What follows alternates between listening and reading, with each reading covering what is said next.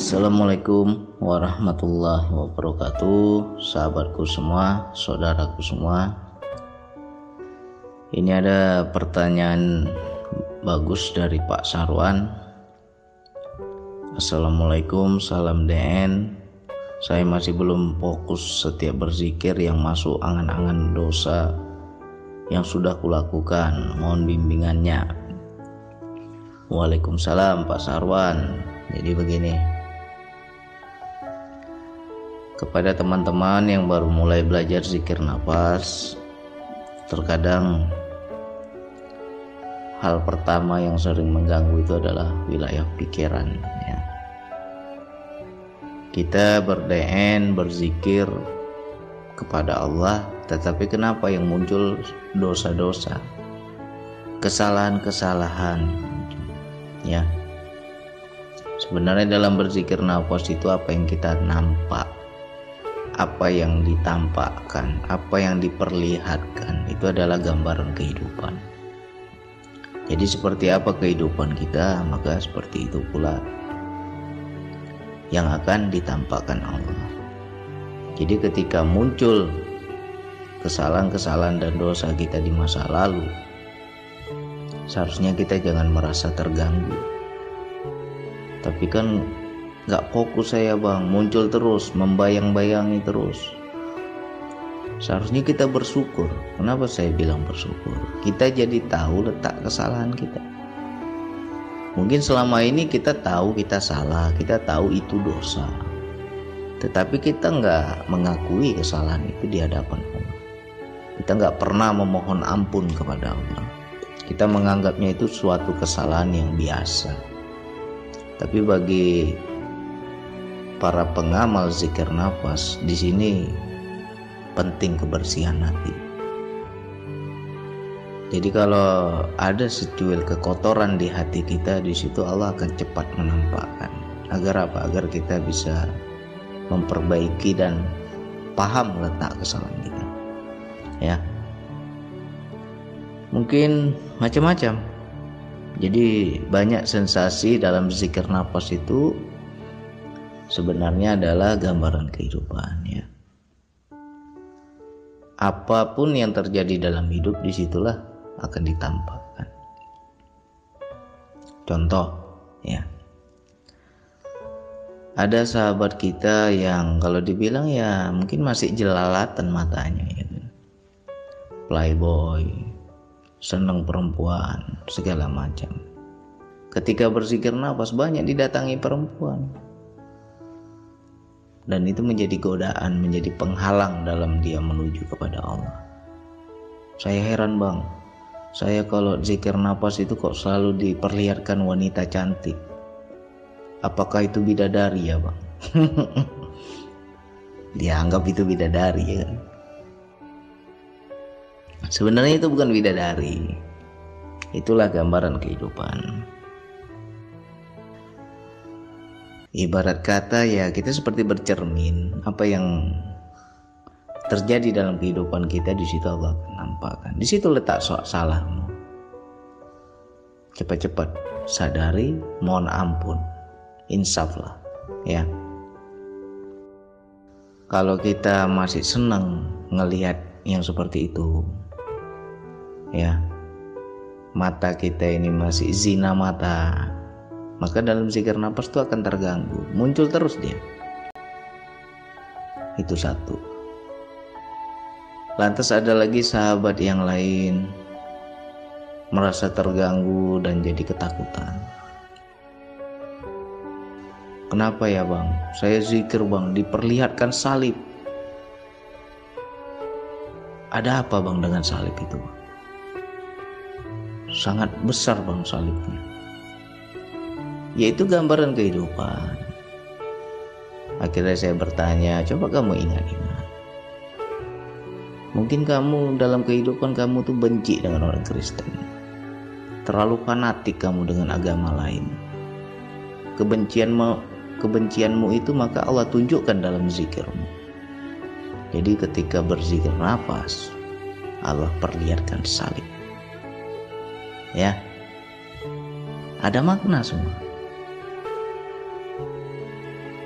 Jadi diperlihatkan. Di situ letak salah kita. Apa yang salah kita yang berkaitan salib? Ingat. Akhirnya dia mengakui. Benar bang, aku ada yang nggak suka dengan tetanggaku. Dan dia orang Kristen. Terbukti semua. Ditunjukkan Allah. Jadi ya untuk Pak Sarwan, ketika mulai belajar berzikir nafas, diperlihatkan dosa-dosa kita, salah-salah kita, seharusnya bersyukur. Ya, untuk teman-teman yang lain, siapa pun, sahabatku, saudaraku, ketika diperlihatkan dalam zikir nafas, sadari letak salah kita di mana. Langsung mohon ampun kepada Allah, ya Allah, mungkin ini salahku. Ingat-ingat salah kita dalam kehidupan jadi dosa-dosa yang muncul itu Allah ingin kita mengakui. Ini loh letak salahmu. Engkau itu belum bersih, engkau itu masih kotor. Kenapa ya Allah aku masih kotor? Karena kau belum mohon ampun pada kesalahan yang sudah kau lakukan. Jadi ku tunjukkan ini, ku berikan gambaran ini, ku perlihatkan ini biar kau tahu letak kesalahanmu, biar kau sadar, biar kau mau ampun. Ya. Jadi di situ ketika diperlihatkan salah kita, dosa kita yang sudah kita lakukan dahulu, itu kan udah lama sekali bang, nggak sekarang aku nggak pernah lakukan lagi. Tetap itu akan muncul. Karena apa? Belum pernah kita mohon ampun kepada Allah. Ya. Memang wilayah ini ekstrim. Jadi kaji diri kaji makrifat ini sangat penting kebersihan hati. Selagi belum bersih susah kita mau ke Allah. Ya. Jadi di situ bedanya orang yang tidak beriman dengan orang beriman orang beriman itu begitu salah sedikit Allah kasih lihat ini salahmu Jangan kau tumpuk-tumpuk lagi dosamu. Salah sedikit dikasih lihat, salah sedikit dikasih nampak. Agar apa? Agar kita cepat mau nampun. Ya. Banyaklah contoh-contoh yang lain banyak, tapi itu aib. Tapi walaupun aib juga ada pelajaran. Saya nggak nggak menyebut namanya, tapi ini contoh-contoh yang yang banyak bercerita ke saya. Saya pelajari, pelajari, oh ternyata sama.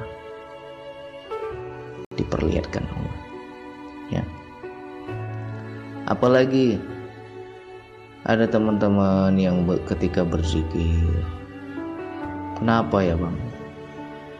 Aku kalau nggak zikir nafas nggak gatal badanku, tapi ketika aku berzikir nafas seluruh badanku gatal. Ya, akhirnya nggak sanggup dia zikir nafas. Itu juga suatu sensasi yang Allah tunjukkan letak kesalahan kita. Gatal itu perlambang dengan terganggu. Maknanya terganggu coba diingat-ingat dengan temanmu dengan saudaramu dengan tetanggamu mungkin kau ada merasa terganggu dengan orang Orang lain tidak mengganggu dirimu, tapi dirimu merasa terganggu dengan orang lain. Akhirnya mengakulah sahabat itu. Benar bang, aku nggak suka sama satu orang, yaitu teman kerjaku. Kalau dekat dengan dia, aku merasa terganggu. Bang. Itulah makna gatal tadi itu. Akhirnya setelah saya sudah buka, dia pun mengakui kesalahannya dan dia mohon ampun kepada Allah. Besoknya dia berzikir lagi ya nggak ada lagi gatal. Ya kan? Apalagi contoh yang lain. Ada yang kupingnya yang gatal. Tadi badannya yang gatal ini kupingnya yang gatal saya berzikir napas bang. Selalu kuping saya seperti dikorek-korek seperti digelitik. Gatal sekali bang. Dan di situ nggak bisa saya fokus kepada Allah. Apa yang salah bang? Akhirnya saya buka lagi. Coba kamu ingat-ingat kamu itu tidak suka dinasehati. Ketika orang menasehatimu rasanya gatal kupingmu itu. Ya kan? Kuping yang gatal itu pertanda orang yang gak suka dinasihati. Coba ingat-ingat. Akhirnya sahabat tersebut juga mengakui, bener bang, aku kalau dinasehati itu nggak pernah mau dengar, melawan terus aku katanya, dan risih aku kalau dinasehati. Nah, ketika dia mengakui letak kesalahannya, dia insaf, dia tobat kepada Allah, maka keesokan harinya ketika dia berzikir, hilang, tidak ada lagi gatal ya. Jadi sebenarnya banyak kalau kita mau tafsirkan sensasi itu banyak.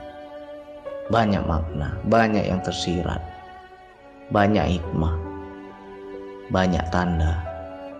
Banyak rahasia. Tapi nggak semua juga harus kita artikan ya. Jadi ini menjadi ya pelajaran lah untuk semua. Menjadi pelajaran untuk semua apa pun gambaran kehidupan apa pun letak salah kita di situ Allah akan tampakkan ada lagi sahabat yang lain. Bang saya berzikir nafas saya diperlihatkan emas bang. Banyak sekali emas. Apa tuh bang hati-hati jangan salah tafsir. Ya. Di sinilah kita pentingnya yang namanya guru. Di sinilah pentingnya kita belajar pada yang lebih senior, pada yang ahli, pada yang paham jalannya. Biar apa? Bisa bisa menuntun kita. Ya. Kalau dia diperlihatkan emas di situ dia merasa aku nanti bakal kaya, aku nanti bakal dapat dunia, aku bakal dapat harta. Itu kan udah salah tafsir akhirnya saya nasihati lagi itulah gambaran kehidup kehidupanmu engkau itu cinta dunia engkau itu cinta harta hanya uang yang kau cari hanya emas yang kau cari ya emas itu kan hanya perlambang simbol hanya harta yang kau cari hanya kekayaan yang kau cari itulah yang Allah tunjukkan di situlah letak salam Akhirnya sahabat tersebut pun sadar. Ketika dia insaf, tobat, mohon ampun, hilanglah. Tiada lagi dia diperlihatkan. Ya. Jadi pasti banyak lah kalau saya bilang banyak. Cuman ini kan wilayah ini aib. Kadang teman-teman malu untuk bercerita, malu untuk bertanya. Karena apa? Takut dibaca, takut ketahuan aibnya. Sebenarnya kalau kita betul mau belajar, betul kita mau lurus, betul kita mau diarahkan, hilangkan rasa malu itu. Yang penting kita benar arahnya. Bayangkan saja tadi yang diperlihatkan emas, kalau seandainya dia salah tafsir, sangat berbahaya. Ya. Untungnya saja dia bertanya kepada saya. Dan di situ saya bisa jelaskan. Di situ letak kesalahanmu. Engkau masih cinta dunia. Engkau masih cinta harta. Di situ dosamu. Makanya Allah tunjukkan itu. Akhirnya lemas kawan itu kan. Mohon ampun dia kepada Allah, ya Allah. Salah aku ya Allah. Nah setelah dia mohon ampun nggak ada lagi nampak. Kalau nggak tiap hari dikasih lihat itu. Nah di situ bisikan setan bisa masuk bagi kita yang gak kuat ketahuitan nampak emas sangat banyak kita kira kita bakal dapat harta kita bakal dapat rezeki berlimpah. Itu prasangka kita itu. Padahal di situlah makna dosanya itu. Ya. Jadi tolong wilayah ini harus lebih banyak cerita. Lebih banyak berkomunikasi konsultasi biar apa? Teman-teman nggak salah ya. Sayang saya kalau kita merasa kita bisa sendiri kita merasa aku nggak perlu bertanya tersesat kita. Bayangkan saja kalau diperlihatkan wanita cantik kita anggap bidadari kan bodoh itu namanya. Ya enggak padahal sih itu dosanya. Diperlihatkan emas kita sangka kita bakal kaya kan bodoh itu. Padahal sih itu dosanya jadi wilayah ini memang agak ekstrim. Jadi untuk teman-teman ketika diperlihatkan ini diperlihatkan itu apalagi kalau kita diperlihatkan dosa-dosa kita itu enak nggak perlu tafsiran. Yang ngerinya yang kias-kias ini ya itu yang harus ditafsir. Tapi kalau udah diperlihatkan dosa ya sadari. Ada salahku ada dosaku dan aku belum mohon ampun. Nah sekarang minta ampun lah kepada Allah. Ya. Jadi mudah-mudahan ini menjadi pelajaran untuk kita semua. Luruskan niat. Apa pun perjalanan ceritakan. Biar kita terarah. Mudah-mudahan ini manfaat. Sekian dari saya. Wassalamualaikum warahmatullahi wabarakatuh